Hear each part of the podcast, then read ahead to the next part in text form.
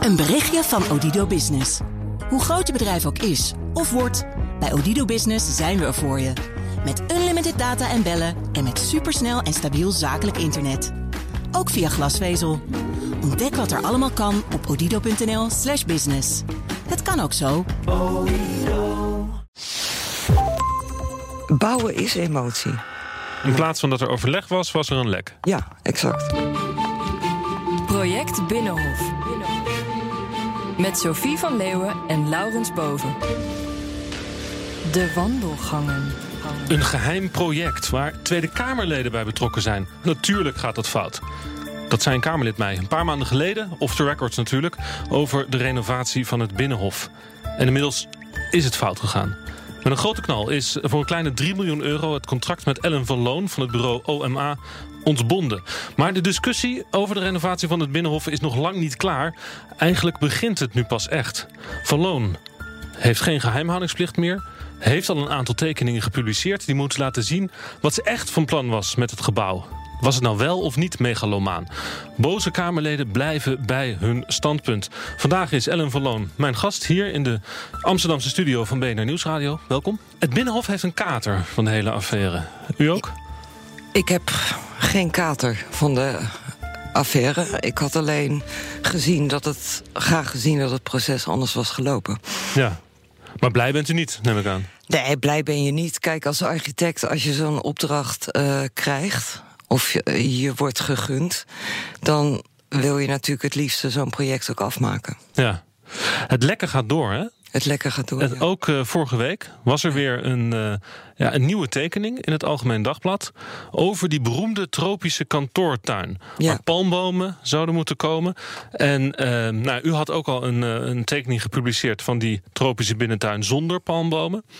Maar dan zie ik in het Algemeen Dagblad toch opeens een tekening met palmbomen. Hele grote palmbomen. Ja, je begrijpt dat wij natuurlijk al 2,5 jaar aan het werk zijn geweest aan het Binnenhof. Eerst in een structuurontwerpfase en toen in een VO-fase. En in zo'n proces uh, ontstaan, maak je verschillende soorten beelden. Uh, en in die hele periode hebben we denk ik drie beelden gemaakt van die tuin. Als een soort indicatie van dat dit een mooie groenzone zou kunnen worden in het, uh, in het gebouw. Uh, daarvoor produceer als architect een soort look and feel plaatje. Artist impression. Een artist impression om te laten zien van nou, dit kan het worden in ja. het gebouw. En, maar wij waren natuurlijk nog helemaal niet uh, bij het moment aangekomen dat we exact gingen definiëren of dat er nou een palmboom staat, of een loofboom of een andere plant. Uh, dus wij, je zal ook zien in de, uh, de beelden die we hebben gemaakt over de tijd... Zijn er, is er één beeld met palmbomen, twee beelden zonder palmbomen. En je ziet ook, als je alle drie de beelden ziet... dat het ontwerp evalu evolueert over de tijd. Dat is natuurlijk ook logisch, want in gesprek met gebruikers, et cetera... pas je dingen aan. Ja. Kijk, in het begin was het een volledig groene tuin. Toen kwam er een soort vraag van... ja, kunnen we ook wat oppervlakte vrij houden voor evenementen? En dan zie je ook in het laatste beeld dat er eigenlijk die, die groen, dat groen iets is verminderd om daar ook ruimte voor te bieden. Ja, maar goed, die palmbomen, die worden dan, uh, u zegt wordt gecommuniceerd, maar die werden een waarheid.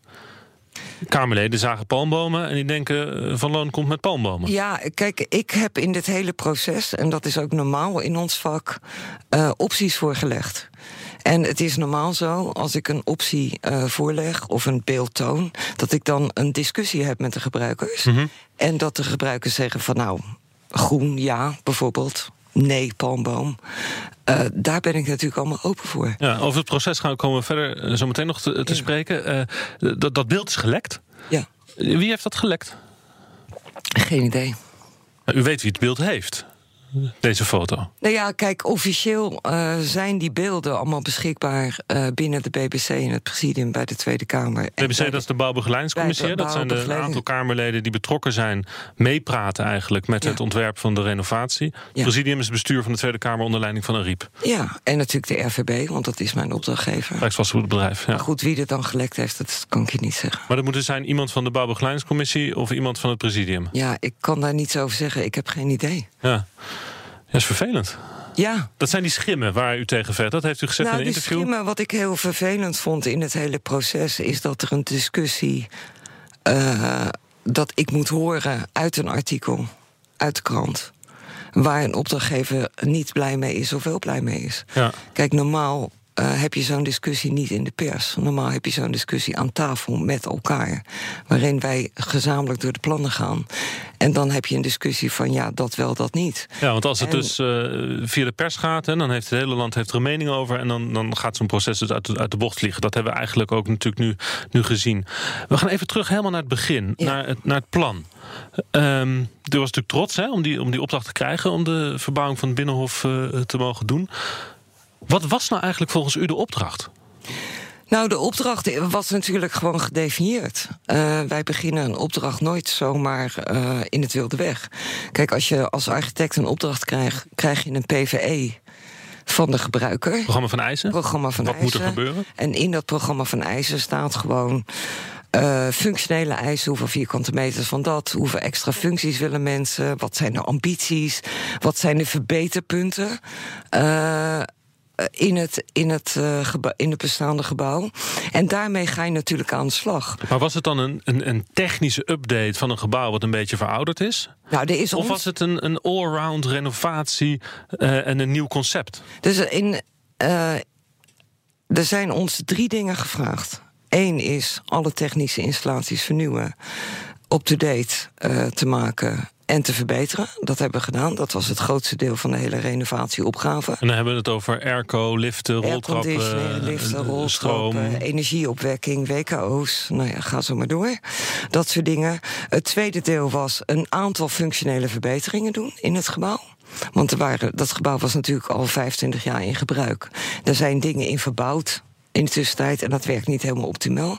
En de derde opdracht die we hadden, en dat was een opdracht die we met name kregen van het Rijksbouwatelier, is ook te kijken hoe we de monumentale waarde van de bestaande gebouwen konden versterken. Ja, dat ja was het Binnenhofcomplex is eigenlijk een verzameling van gebouwen. Hè. Je hebt de nieuwbouw ja. waar de Tweede Kamer zelf in zit. Dan heb je de oude zaal, hè, die is uit de, uit de 18e eeuw. Ja. En er zijn er stukjes die zijn uit de 19e eeuw. Het Binnenhof zelf is natuurlijk voor een belangrijk deel middeleeuws. Ja.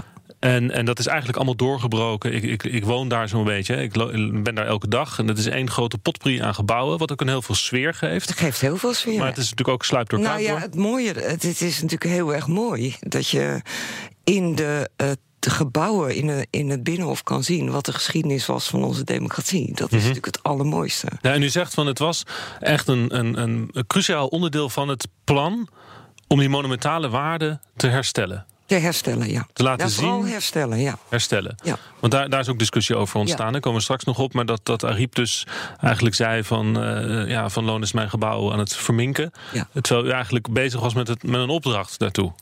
Ja, ik denk, ik was niet aan het verminken. Ik was eigenlijk aan het verrijken, zou Mhm. ik eerder willen zeggen. Ik denk dat dat de juiste, het juiste Ja. woord is. Want wat was. eh, te doen. het is natuurlijk lastig om een, om een visueel project uit te leggen op de radio. Maar wat was nou eigenlijk uw, uw visie met dat gebouw? Nou, mijn visie was natuurlijk om het parlementgebouw eh, dusdanig te verbeteren dat het gewoon rijp is voor de 21ste eeuw. En daar komen heel veel dingen bij kijken. Eh, onze nalatenschap, dat is natuurlijk direct gekoppeld aan die monumentale waarde. Het verbeteren van het functioneren van het gebouw. Eh, efficiënte, waar liggen de entrees, et cetera, et cetera.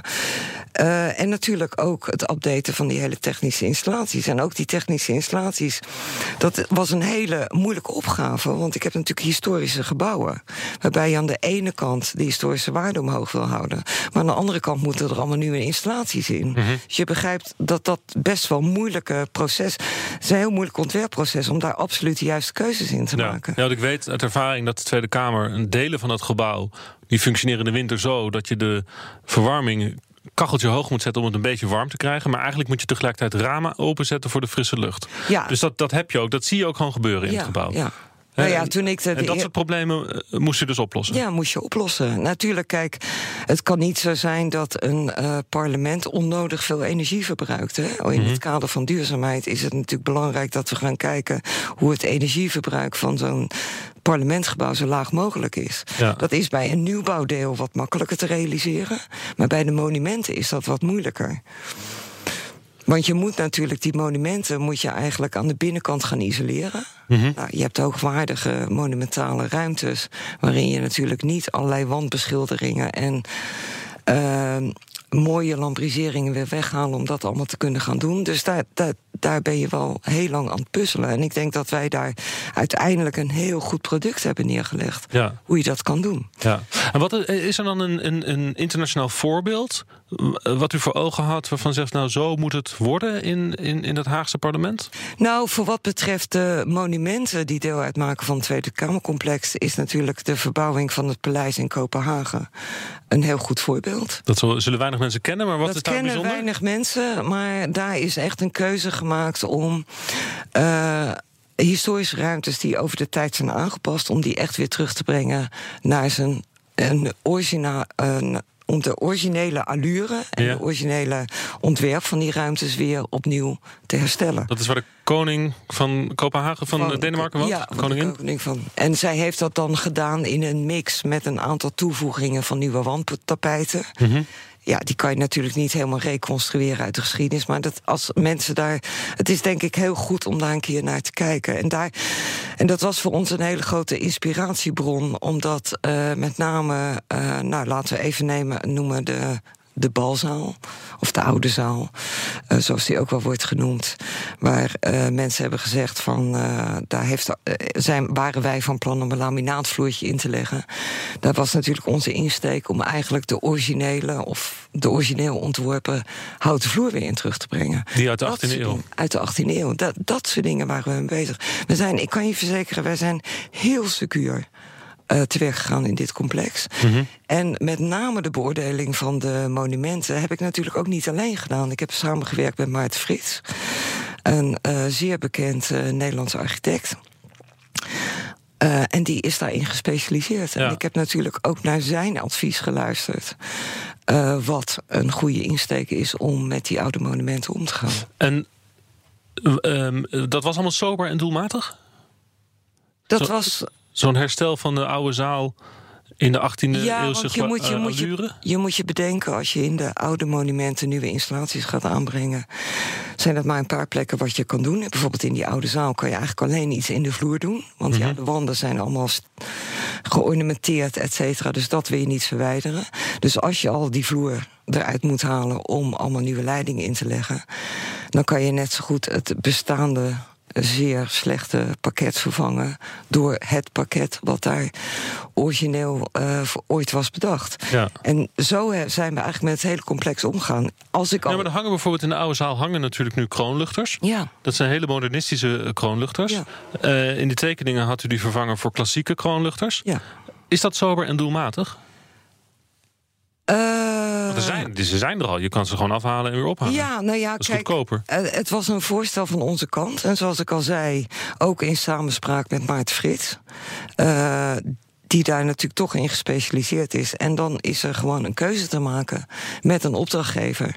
Of dat je het laat zoals het nu is. Of, maar er was natuurlijk uh, naar ons toe en ook in gesprekken met de uh, Rijksdienst van Cultureel Erfgoed was het toch wel een sterke drang om die historische waardes van die ruimtes weer opnieuw te laten zien. Ja, ja, nou dat is interessant. Dan komen we bij, bij het proces eigenlijk. Van wat hier nou allemaal is gebeurd. Want u noemt nu een dienst, dat is een overheidsdienst. Hè? Die is van de Rijksoverheid. Ja. Um, uh, terwijl u natuurlijk heel veel te maken had ook met Tweede Kamerleden. Ja. En uh, daar is kennelijk ook spanning tussen. Tussen wat de, wat de Rijksoverheid eigenlijk wilde met dat gebouw. En wat dus Tweede Kamer of mevrouw Riep, de voorzitter, uh, met dat ge gebouw uh, wilde. Want ik hoor daar een, een meningsverschil. Want Ariep heeft over die. nou, die was negatief over uw plannen. Ook over die plannen met de oude zaal en over die vloer. Ja, daar was ze negatief over. Maar goed, uiteindelijk bestaat de Tweede Kamer natuurlijk voor het hele Binnenhof uit heel veel rijksmonumenten. Dus iedere aanpassing die je daaraan doet, moet ook goedgekeurd worden door de Rijksdienst voor Cultureel Erfgoed. Dus wij hebben niet alleen discussies gehad met de Tweede Kamer, RVB, over dit soort onderwerpen, maar natuurlijk ook met zo'n instantie. Ja. En ik vind het wel belangrijk om ook hun mening mee te nemen, omdat zij natuurlijk uiteindelijk ook specialist zijn op dat vlak. Het was een ontzettend ingewikkeld proces, een hele ingewikkelde structuur die was opgezet. Alles was geheim verklaard. Hè?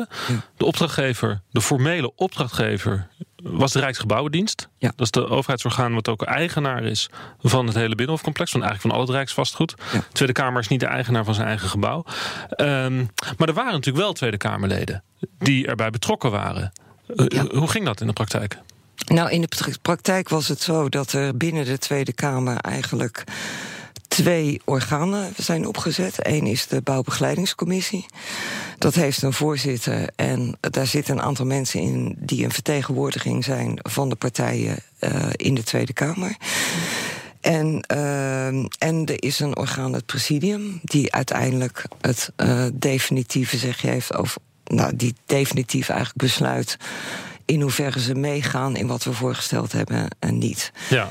Maar de RVB is natuurlijk ook gebouweigenaar. En daar, die hebben natuurlijk ook een mening. Dus je begrijpt, eh, je zit in een proces, in een soort trojka-proces. Wat op zich geen probleem hoeft te zijn. Want ik heb meerdere projecten waarbij ik een gebruiker, een opdrachtgever en een architect heb.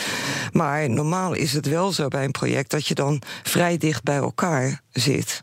En een open discussie hebt met z'n drieën, gebruiker, opdrachtgever en architect met de verwachtingen en ook een uitwisseling plaatsvindt van ja, voor dat onderwerp doen we het zo en voor dat onderwerp doen we het zo. En u zegt eigenlijk dat gebeurde nu niet. Dat is eigenlijk niet, dat is niet gebeurd. Met wie niet? Nou, het is, niet, het is wel gebeurd in de structuurontwerpfase. Daar hebben Helemaal aan het begin is dat? Helemaal aan het begin. Dat is eigenlijk de eerste fase geweest waarin wij een aantal voorstellen hebben gedaan. Na aanleiding van het, eh, de ambities die neer waren gelegd in dat, eh, in dat eh, programma van eisen. Daar liep dat prima. Die voorstellen die we toen hebben ge- gedaan, die zijn ook voor 95% goedgekeurd. Door de Bouwbegeleidingscommissie en het presidium en van Kamer. presidium. En Ja. natuurlijk later in het VO zijn er discussies ontstaan. En begrijp mij goed, ik ben niet tegen dat je terugkomt soms op dingen die je hebt gezegd. Dat is helemaal niet het punt. Ik bedoel, ik denk dat je altijd iets opnieuw op tafel moet leggen als je second thoughts hebt. Want dat is denk ik belangrijk. Want wij als architect hebben een, een gebouw renoveren is een grote verantwoordelijkheid. Je doet dat voor de komende 25 jaar. Dus ik ben er niet op tegen dat er natuurlijk meerdere momenten in zo'n ontwerpproces zijn dat je toch bij jezelf afvraagt: was dit wel de goede keuze? Mhm. Doen we hier het juiste? Mhm. Maar het probleem was natuurlijk dat in die hele VO-fase dat er gewoon niet die intense communicatie was die je normaal verwacht in een project waarbij je een gebruiker, opdrachtgever en architect hebt. Ja. ja. U sprak niet met Kamerleden. Er was geen overleg met de Tweede Kamer. Nou, er is sporadisch overleg geweest, maar veel te weinig. Niet op de manier zoals het hoort bij Nee, een omdat het is echt, zoals meneer Knops ook al zei... en ik kan bevestigen, de staatssecretaris... het is een zeer complexe opgave. Ja. Echt een zeer complexe Ja. opgave. In die hele periode dat u aan het werk was, waren er ook verkiezingen. Ja. En eh, is natuurlijk ook de samenstelling van die bouwbegeleidingscommissie... Ja. en de samenstelling van het presidium veranderd. Want er waren andere Tweede Kamerleden. Welke invloed heeft dat gehad?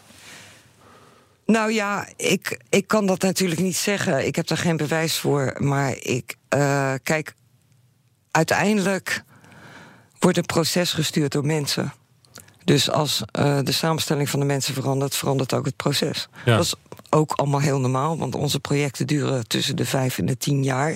Ik kan je zeggen, bij alle projecten die we doen, verandert de samenstelling van mensen aan de kant van de gebruiker of bij de opdrachtgever. Dat is allemaal niks nieuws onder de zon. Maar dan is het wel belangrijk om juist bij de wisseling van die samenstelling van die groepen, om juist de communicatie te intensiveren. Ja. Omdat je dan In plaats eigenlijk. van af te bouwen. Of In de- plaats van af te bouwen, dan, dan bereik je natuurlijk het tegenovergestelde effect. Want je bent dan natuurlijk al zes maanden door een proces gegaan met een andere samenstelling van die groep om alles uit te leggen. En dat moet je eigenlijk dan aan het begin van zo'n wijziging weer opnieuw doen. Ja, Maar de- de- de- u zei net van 95% van mijn plannen die waren al eh, goedgekeurd. Ja. Eh, dat was in de oude samenstelling van de Tweede Kamer. Ja. ja. En toen kwamen de verkiezingen. En de nieuwe te- samenstelling van de Tweede Kamer heeft u nooit kunnen overtuigen. Nou ja, in die Ze kwamen eigenlijk terug op, op, op in standpunten die ze in hebben periode genomen. zijn ze teruggekomen op een aantal beslissingen die goed waren gekeurd in het structuurontwerp. Ja. Ja. ja, maar u zegt eigenlijk ook dat was op zich niet zo'n probleem. Maar dat, heeft, dat is frustreert natuurlijk. eh, Op zich is dat helemaal geen probleem. Ik bedoel, dat is voor ons vrij normaal in een proces. Maar het frustreert wel eh, als je dat niet met elkaar kan bespreken. Ja. In plaats van eh, bespreken gebeurde er natuurlijk iets heel anders. Ja. Er verschenen opeens ehm, lekken in de pers, vooral het Algemeen Dagblad. Uh, daar was u een, uh, opeens een megalomaan, ik vind het zo'n moeilijk woord. Megalomaan. Megalomane architect. Ja. Die met een tropische binnentuin uh, de zaak op stelte kwam ja. zetten. Ja. wat gebeurde daar? Wat, wat, wat was dat? Nou ja, ik was natuurlijk enigszins gechoqueerd op dat moment. Omdat. En kijk, het feit dat nieuws lekt, dat, daar ben je natuurlijk niet door gechoqueerd, want dat gebeurt nou eenmaal. Maar ik was wel gechoqueerd dat in een, in een algemeen overleg, dat wat geschreven werd in het AD, dat dat tot waarheid werd verheven. Mhm. In plaats van dat we een overleg hebben gehad zodat ik de plannen kon toelichten. Nou, er werd iets gelekt in de krant. Er stond, daar, stond daar een politiek debat over in de Tweede Kamer. En daar namen mensen die namen dat voor zoete koek aan wat daar stond. En dat we, ja, exact. En dat werd verheven tot waarheid. Want er waren, dat waren mensen die beter wisten? Anders wisten? Nou ja, dat weet ik niet. Ik, ik, ik bedoel, ik kan je dat niet zeggen. Nou, u weet wie er in die commissievergadering zit. U weet wie de plannen kent. Ja, maar goed, ik kan niet, ik, ik kan niet zeggen wie er gelekt heeft met welk oogpunt. Kijk, maar mensen lekken natuurlijk met een bepaald doel. Mm En, uh... Maar dat lek, even dat ik dat goed begrijp, dat lek dat kwam op het moment dat u eigenlijk geen contact had met de Tweede Kamer over de voortgang van de plannen. Weinig contact had met de Tweede Kamer. In plaats van dat er overleg was, was er een lek. Ja, exact. Ja. ja. ja. En dan, dat is nog allemaal tot daar aan toe. Maar als je dan ziet in zo'n algemeen overleg. dat dat wat er geschreven in het AD is dan ook. de waarheid is over wat we gedaan hebben dan begin je wel bij jezelf te denken van... is dit het niveau waar... Nou, dat klinkt als iemand die weet wat hij doet. Ja. Een professioneel lekker. Ja. die dus weet wat het effect is van, van zo'n lek op een politiek proces. Ja. En nog even om terug te komen op de tuin. Kijk, een van de grote uh, doelstellingen in dit project is natuurlijk om dat hele binnenhof duurzaam te maken. Mm -hmm. uh, bij het ministerie van Binnenlandse Zaken zijn een aantal maanden geleden honderden leaseplanten naar binnen gerold. Leaseplanten? Ja, dat zo heet dat. Leaseplanten, die worden dan geleased. Uh -huh. uh, om het, als je ze geen water geeft, dan kan je ze teruggeven als ze ja, doodgaan of zo. Of als ze doodgaan, dan krijg je een nieuwe. Dat is deel van het leaseproces. Om ervoor, om, dat, uh, om ervoor te zorgen dat het leefklimaat werd verbeterd in kantoorgebouwen. En natuurlijk ons voorstellen om meer groen uh, te maken binnen dat Tweede Kamercomplex. Dus mm-hmm. meer dan wat er nu alleen is in die binnentuin. Had, was, had natuurlijk, was natuurlijk een direct gevolg daarvan. Het is beter voor het binnenklimaat. Het bevochtigt de lucht. Het probleem is met alle airconditioning gebouwen die we nu hebben... de bevochtiging is vrij kostbaar om te doen. Dat is wel iets wat heel een, een geklimatiseerd gebouw prettig maakt om in te zijn. Mm -hmm. Dat niet, de luchtvochtigheid niet te droog is. En, en, dat is de reden. En die planten, zodra jij een groenzone in zo'n gebouw maakt... doen die planten dat voor jou gratis. En natuurlijk vergroening van het hele Binnenhof. Dus niet alleen dit, maar vergroening in het algemeen. Ja. Is natuurlijk een van de speerpunten van een gebouw duurzaam maken. En dat was ook iets wat in het programma van IJzer stond? Ja. Ja, wat overigens nog niet gepubliceerd is, hè, het programma van IJzer. Nee, nee. nee, Kunt u dat ook nu laten zien of niet? Nee, ik kan het niet laten zien. Dat, is nog steeds, dat valt nog wel onder de geheimhouding. Nou ja, ik kan het laten zien. Kijk, het enige wat ik je daarover kan zeggen... het is een vrij dik, lijvig boek. Mm uh, omdat er natuurlijk heel veel dingen in staan waar je aan moet houden. Daarom zeg ik, onze, ons werk uh, wat we gedaan hebben... bestaat niet alleen uit een boek met plaatjes en diagrammen... maar daarbij horen nog 100 à 200 uh, tekeningen. Ja. Dus daar staan heel veel dingen in. Ja. en wat er gebeurt is natuurlijk, dat zei ik net ook al... dat programma van eisen waar we zijn mee begonnen... was programma van eisen nummer 1, ja. noem ik maar even. Daar hebben we het structuurontwerp op gebaseerd. In het programma programma eisen stonden ook verbeteringswensen, maar er stonden ook wensen in voor extra ruimtes, zoals die beroemde grote zaal. Ja. Nou, wij hebben toen in het structuurontwerp laten zien wat dat betekent. En dat was een vrij grote ruimte, iets, iets kleiner dan de, dan de uh, plenaire zaal. Dan de plenaire zaal. Uh, Eigenlijk een soort tweede plenaire zaal. Ja, een tweede kleinere plenaire zaal. Want het politiek proces was natuurlijk veranderd. Er was behoefte aan meer vergaderruimte, behoefte aan meer overlegruimtes. Dus het was ook niet verbazingwekkend dat er natuurlijk in dat PVE stond dat daar meer van moest komen. Maar omdat het, die, die ruimte waar ze om vroegen zo dusdanig groot was, had dat natuurlijk ook een ongelooflijke impact op het bouwvolume. Want we moesten eigenlijk gaan uitbreiden. Mhm. Om die ruimte überhaupt onder te kunnen brengen. Nou, daar zijn ze aan het eind van het SO, en dat was dan ook het enige onderdeel uh, van geschrokken. En toen is er in het begin, dus ook na de verkiezingen, uh, aan het begin van de VO-fase, heeft de Tweede Kamer gezegd: we gaan dat VO, dat programma van eisen herzien. Ja, want we willen toch die, twee, die grote Want we willen toch uh... dat het sober en doelmatig is. We zijn, willen eigenlijk niet dat er substantiële uitbreidingen plaatsvinden. Dus we gaan toch nog een keer kijken naar het programma van eisen. Dus het aangepast. aangepast. Nog even over dat programma eisen, want. Um, wat mij uh, in allemaal gesprekken die ik de afgelopen maanden met mensen in de Tweede Kamer ook heb gevoerd, um, uh, is mij opgevallen dat, dat heel veel mensen zeggen van ja, er is met niet alleen Kamerleden spelen een rol, maar ook andere mensen die daar werken. De, het personeel van de Tweede ja. Kamer, het personeel van de fracties, die hebben ook allemaal een input gegeven in dat programma van eisen. Ja. En het lijkt wel alsof er een groot misverstand is ontstaan tussen wat eigenlijk het personeel van de Tweede Kamer wenst met dat gebouw en wat de Tweede Kamerleden ja. wensen met ja. dat gebouw. Ja. Klopt dat? Hoe, hoe zat dat? Nou, dat, ik, ik weet niet hoe dat hier zat, maar ik kan je vertellen, wij doen vele projecten waarin natuurlijk iemand gevraagd wordt een programma van eisen en alle wensen van alle mensen op papier te zetten. En het is natuurlijk dan gebeurt heel vaak bij projecten dat iedereen iedereen wordt geïnterviewd. Dus alle gebruikers van, die van het Binnenhof worden geïnterviewd. En iedereen zegt natuurlijk, kom met zijn verlanglijstje. En uiteindelijk zie je vaak bij projecten dat die verlanglijstjes op elkaar worden gestapeld en er wordt één programma van eisen van gemaakt.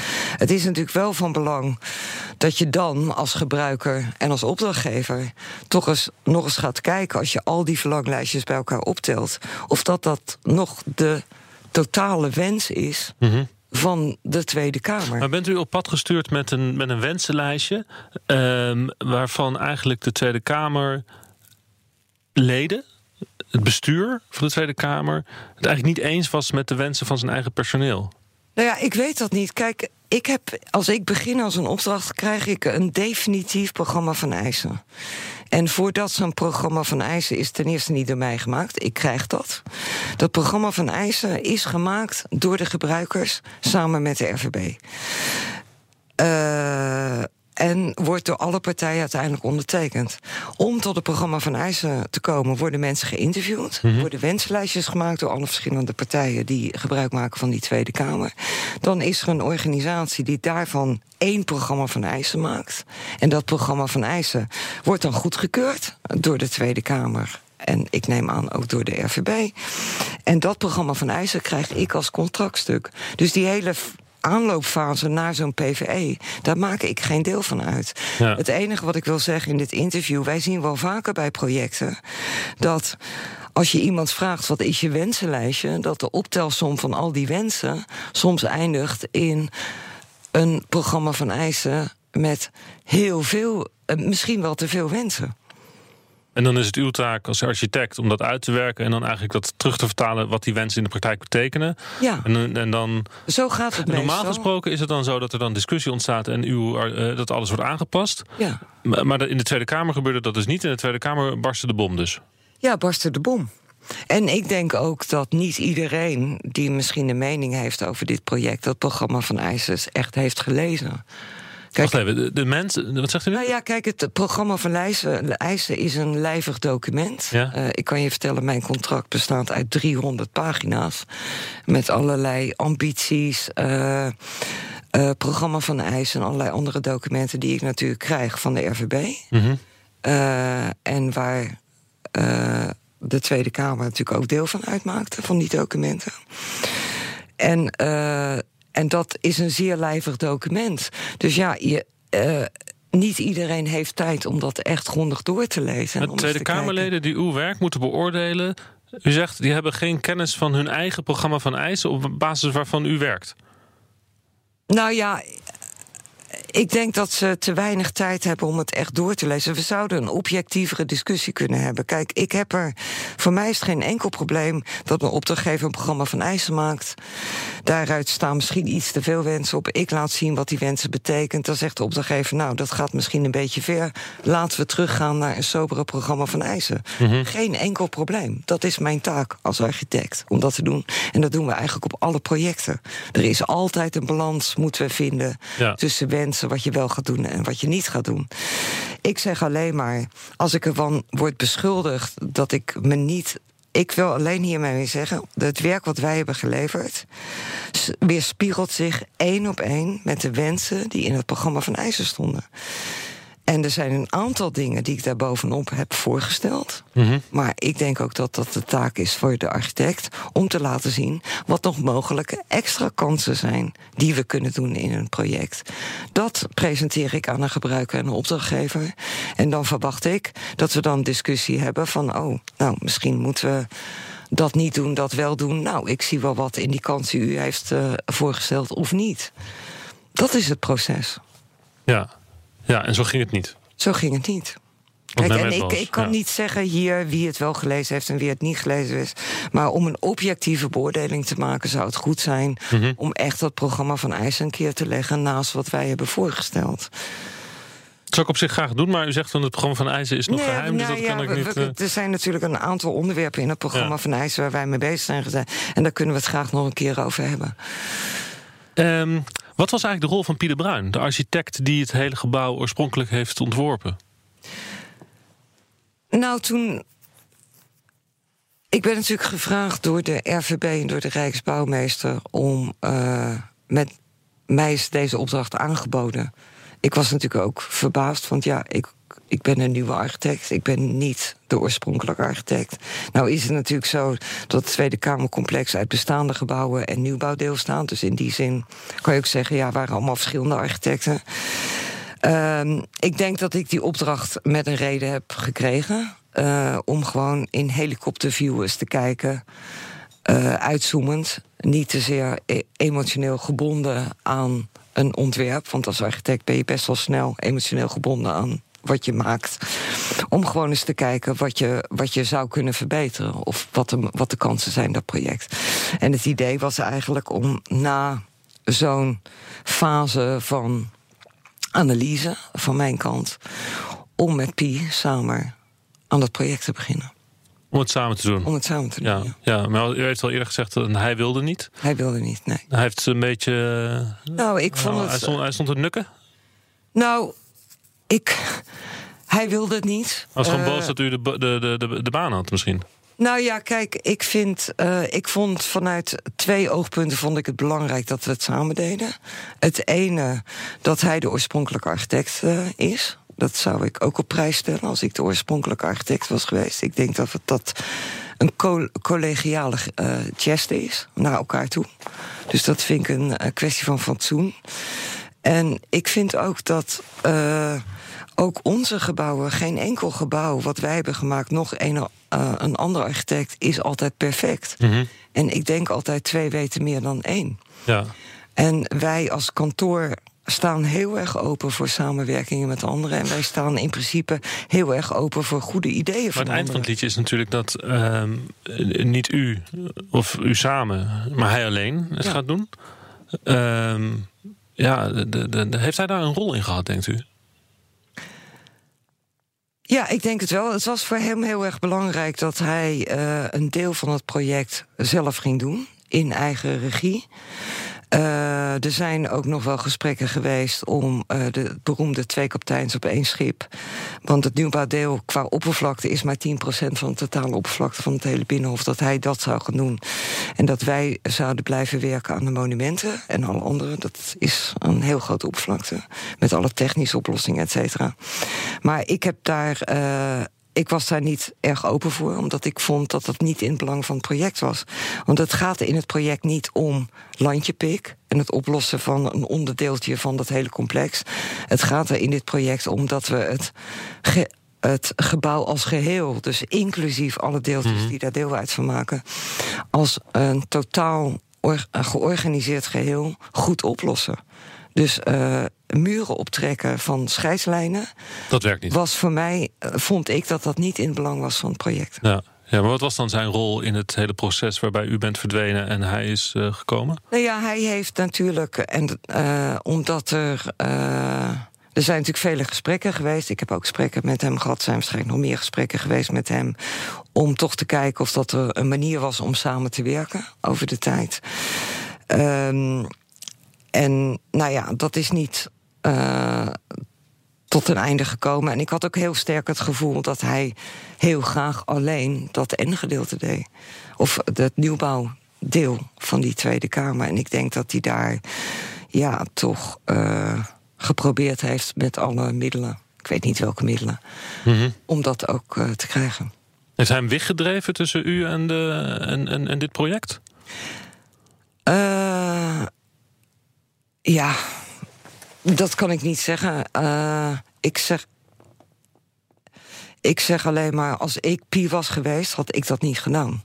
Ik had gewoon wel de samenwerking opgezocht. En ik had met een hele andere uh, intentie was ik dit proces ingegaan. Ik, ik zou gezegd hebben van nou, ieder goed idee is een goed idee, wat ik net ook al zei. Laten we het samen doen. Uh, en er zijn in ieder gebouw verbeterpunten. En wij moeten daar ook voor openstaan. Ik bedoel, ik heb ook de kunst al zelf nog verbouwd... terwijl Rem eigenlijk het gebouw heeft ontworpen lang geleden.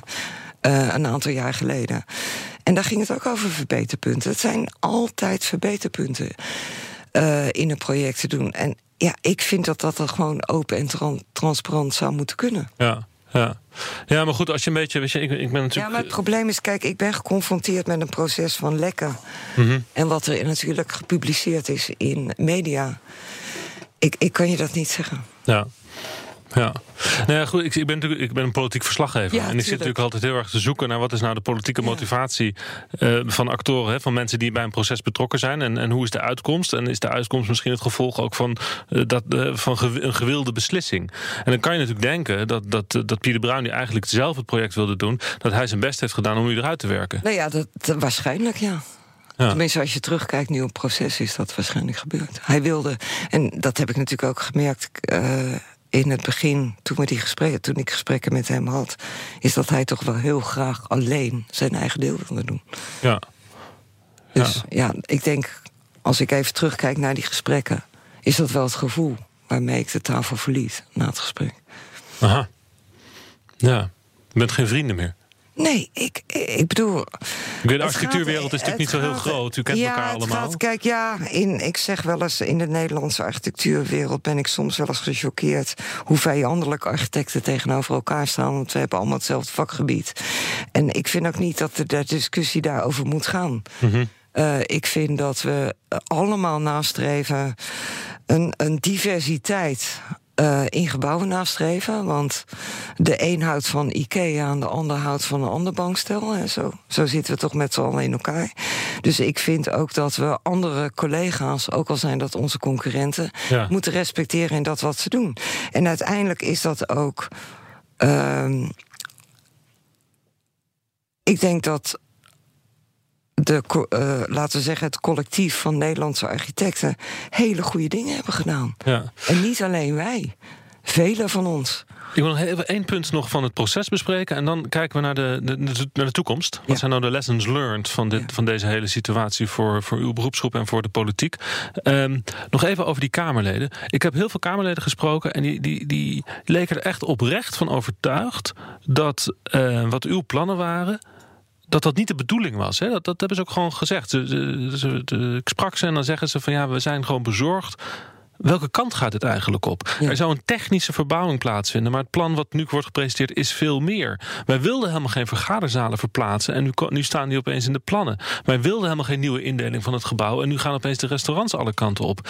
Um, dus ja, mijn vraag is eigenlijk: we hebben het al een beetje besproken hoor, maar die Kamerleden die, die, die klonken niet, als ik ze spreek, van, van goh, we gaan eens even van loon draaien. Ze klonken echt oprecht bezorgd over het project zoals het aan het, aan het ontstaan was. Dus, dus waar komt dan zo'n misverstand nou, voor staan? Ja, kijk, ik, kijk, het is in alle projecten zo. Als je een project begint, hebben mensen een emotionele droom of een emotionele visie van wat zij denken dat die renovatie moet zijn. Uh, en er is natuurlijk voor mij een contractdocument waarin feitelijk beschreven staat wat er gewenst wordt. En die twee komen soms niet met elkaar overeen. Mhm. Daarom is die communicatie zo belangrijk. Omdat je dan kan zeggen van oké, misschien staat dat wel in het programma van eisen, maar is het misschien niet de bedoeling? Dan kan je natuurlijk gaan zeggen van oké, dan passen we dat aan. Maar het is heel vaak zo dat bouwen is emotie. Als jij je huis laat verbouwen, gaat het niet over of dat er nou een tegel aan de wand zit of niet. Maar dat is een emotioneel proces. Want je wilt een, een mooie badkamer. Maar ik heb, ik heb Ariep vorige week nog gesproken. En toen zei ze uh, weer tegen mij: van ja, ze wilde de vergaderzalen verplaatsen. En ze was echt nog steeds oprecht uh, geïrriteerd. Wij hebben uh, een, uh, in de structuurontwerp voorgesteld om de, niet, om de commissiezalen te verleggen, niet te vergaderen, en daarvoor in de plaats vergaderzalen te maken, om ik het even feitelijk juist te zeggen. Uh, dat hebben we in structuurontwerp voorgesteld. Dat is goedgekeurd, overgenomen door het presidium.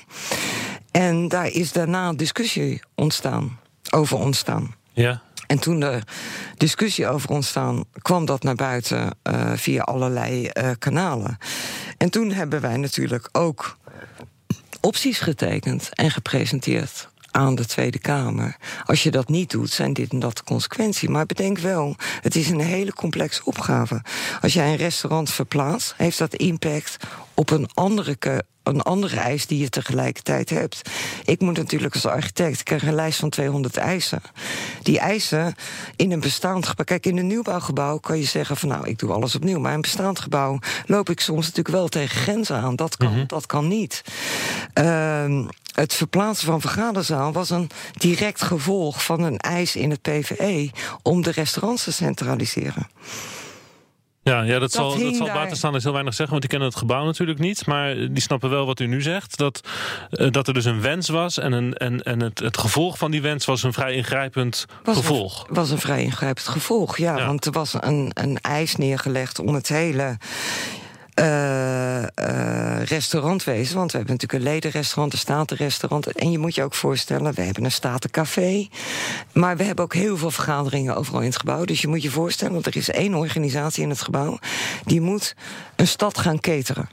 Ja, nou, één centrale keuken was het idee, geloof ik, in plannen. Dus het idee is natuurlijk om dat zo efficiënt mogelijk te doen. Mm -hmm. Nu is het zo dat uh, goederen voor de keuken worden uh, binnengereden op de begane grond. Ja. Die moeten met de lift naar de kelder worden gebracht. Vanaf die kelder moeten ze met liften naar de dakverdieping. Daar wordt het allemaal voorbereid. Aan één zijde van het gebouw. En van die plek moet het helemaal naar het ledenrestaurant gevoerd worden. Het Statencafé en alle andere ja, dat is, dat, is, dat is bijna een paar honderd meter verderop. En ja. die transportlijnen zijn ook nog zichtbaar. Dus je ziet heel vaak bijvoorbeeld als je voor de plenaire zaal staat, zie je gewoon trolley of karretjes voorbij komen. Met, uh... dus dat ene. En ik denk dat niet iedereen in de Tweede Kamer zich altijd beseft hoeveel er achter, achter de schermen moet gebeuren om dat ene broodje kaas van A naar B te krijgen. Okay. En daar hebben wij natuurlijk wel naar gekeken. En dat was ook een duidelijke wens uh, van de ambtelijke ondersteuning om daar naar te kijken. En dat stond ook zo in het programma Ja, misschien kunnen we er dan uiteindelijk gewoon niks aan doen. En is het gewoon de constatering dat het zo is... dat dus uh, Kamerleden uh, tegen mij zeggen... wij maken ons zorgen over waar dit project naartoe gaat. Um, uh, terwijl u zegt van nou, um, het is jullie eigen plan. Nou ja, wat ik wil zeggen, in de Tweede Kamer zijn vele gebruikers. Ja. Hè, dus de ambtelijke ondersteuning, de fracties, de fractieondersteuning. Fracties, het zijn vele gebruikers. Ik denk dat het heel erg belangrijk is voor de toekomst... dat al die verschillende gebruikers in die Tweede Kamer... met elkaar aan tafel gaan zitten en het eens worden wat de definitieve eis wordt voor wat betreft restaurants, et cetera, et cetera. Mm -hmm. Dan kan je denk ik een goed PVE maken. En dan heb je ook een goed startdocument voor een architect. Waardoor er dit, dit soort misverstanden niet meer voorkomen in de ja. toekomst. En daarin moet natuurlijk de mensen die jij hebt gesproken... is het belang dat, van belang dat ook de mensen van de ambtelijke ondersteuning... alle mensen die gekomen zijn met die eisen in dat originele PVE... dat die die kennis met elkaar aanwis, uh, uitwisselen. Maar u zegt u nou eigenlijk dat zou moeten gebeuren voordat Pieter Bruin nu met zijn nieuwe ontwerpen gaat komen? Ik zou dat wel doen, ja, want ja, anders maar gaat... dat kost tijd en dan zijn we met ja, vertragingen dat, bezig. Ja, dat kost tijd, maar ik denk als je dat nu niet doet, kost het je tijd later. Want dan gaat hetzelfde nog een keer gebeuren. Ja, mogelijkerwijs. Ik bedoel, ik kan dat natuurlijk niet uh, zeggen dat dat ook zo gebeurt. Maar het zou wel goed zijn om alle verwarring die er is ontstaan... Mhm. Mm -hmm. over wat er in het PVE staat en wat er leeft bij de mensen... of wat de mensen denken dat het zou moeten zijn... Mm -hmm. om dat natuurlijk recht te trekken. Ja. Nog even los van de transparantie. Hè? Dat is ook dus eigenlijk de les natuurlijk is dat we voortaan dit soort projecten niet meer geheim moeten verklaren, maar gewoon eigenlijk openbaar moeten nee, kunnen bespreken. Transparantie is natuurlijk een van de, van de uh, een van de middelen waarmee je dat bereikt. Ja. Ja. We werpen nog even de blik wat verder op de toekomst. Uh, want deze renovatie is natuurlijk niet het laatste project wat de Rijksoverheid ooit zal uitvoeren. Ook in de toekomst zullen ze natuurlijk beroep moeten doen op architecten voor ingewikkelde uh, programma's van ministeries en wat niet al. Um, even heel algemeen gesteld, de, de, wat moet er anders in de toekomst dat, dat dit soort projecten niet weer verzanden? Ik denk dat het belangrijk is dat er een echte uitleg komt van wat een renovatie eigenlijk inhoudt. Ik denk dat er heel veel mensen binnen de Tweede Kamer denken... als, je, als ik een leidingje vervang in het plafond... dan blijft het plafond en dan stop ik een ander leidingje in. Ik denk dat er uh, geen gevoel is van wat uh, eigenlijk uh, de gevolgen zijn van het vervangen van alle technische installaties. Plafonds moeten eruit, wandbekleding moet eraf, moeten vloerbekledingen moeten eruit. Uh, natuursteen moet van de wanden afkomen. Dat is een behoorlijk ingrijpend proces. Ik denk dat het belangrijk is dat daar meer uitleg over komt. Niet iedereen kent ons vakgebied. Ik denk dat we daar meer over moeten communiceren. Als een gebruiker dat wil, of het kabinet heeft besloten om dat te doen. Om echt in simpele woorden uit te leggen aan de gebruiker: oké, als we dit gaan doen, is dit dit is hoe ingrijpend het gaat worden. Mhm. En als het al zo ingrijpend is, kan je ook nog A, B en C doen. Want je moet het toch al doen. En ik denk dat het ook heel erg belangrijk is dat er genoeg tijd ingeruimd wordt uh, voor discussies met een gebruiker. Zodat we geen toestanden krijgen dat dat wat de gebruiker in zijn hoofd heeft, eigenlijk niet in het programma van IJs is gekomen. Ja, zoals dus is gebeurd ja, in de Tweede Kamer. Misverstanden. Ja. En dat is heel erg jammer. Want en misschien juist bij politiek ingewikkelde, gevoelige gebouwen en, uh, en Bij alle gebouwen is dat belangrijk. Omdat, kijk, wij ontwerpen een gebouw niet omdat wij nou kunstenaar willen zijn en om stempel willen drukken. Nee, wij gebruiken, ontwerpen een gebouw voor een gebruiker. En een gebouw is alleen maar goed als die gebruiker zich daar ook optimaal in kan functioneren. Ja, ligt het dan alleen aan die openbaarheid, aan die, aan die open discussie en die, die informatie?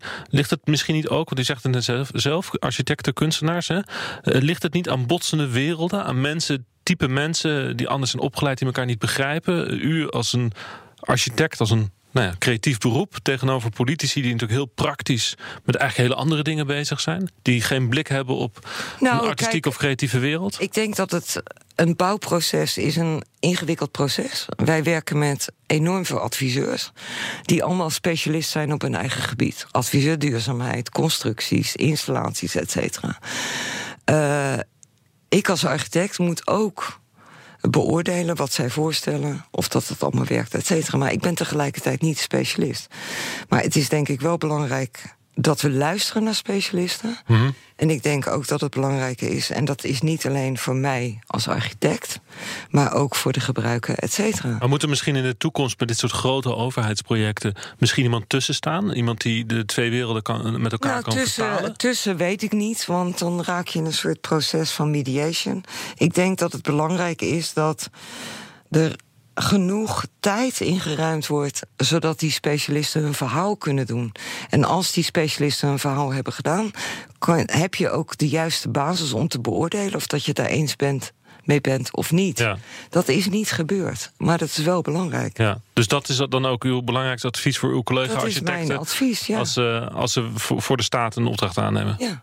En niet, dat geldt niet alleen voor mij, want bedenk wel, de renovatie bestaat voor 85 procent uit uh, het vervangen van de installaties en het, de installaties, installaties terugbrengen die, die we nodig hebben in de 21ste eeuw. Mm Ook die presentaties zijn net zo belangrijk. Wilt u nog voor de staat werken? Tuurlijk.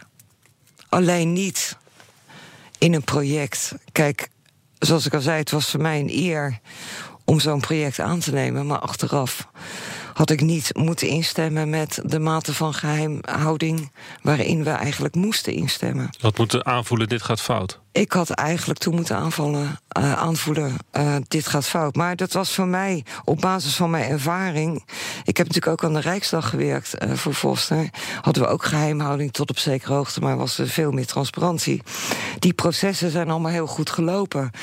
Dus tegelijkertijd had ik op dat moment ook niet het gevoel van ja, dit gaat fout lopen. Maar terug, als ik nu terugkijk, is dat wel hetgene wat eigenlijk in dit proces uh, een heel, hele fout, een hele slechte invloed had. Ja.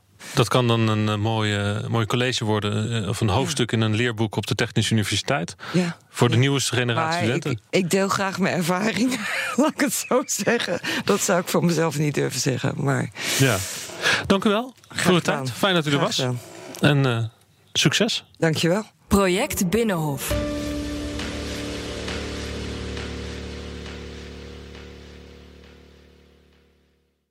Een berichtje van Odido Business. Hoe groot je bedrijf ook is of wordt, bij Odido Business zijn we er voor je. Met unlimited data en bellen en met supersnel en stabiel zakelijk internet. Ook via glasvezel. Ontdek wat er allemaal kan op odido.nl/slash business. Het kan ook zo.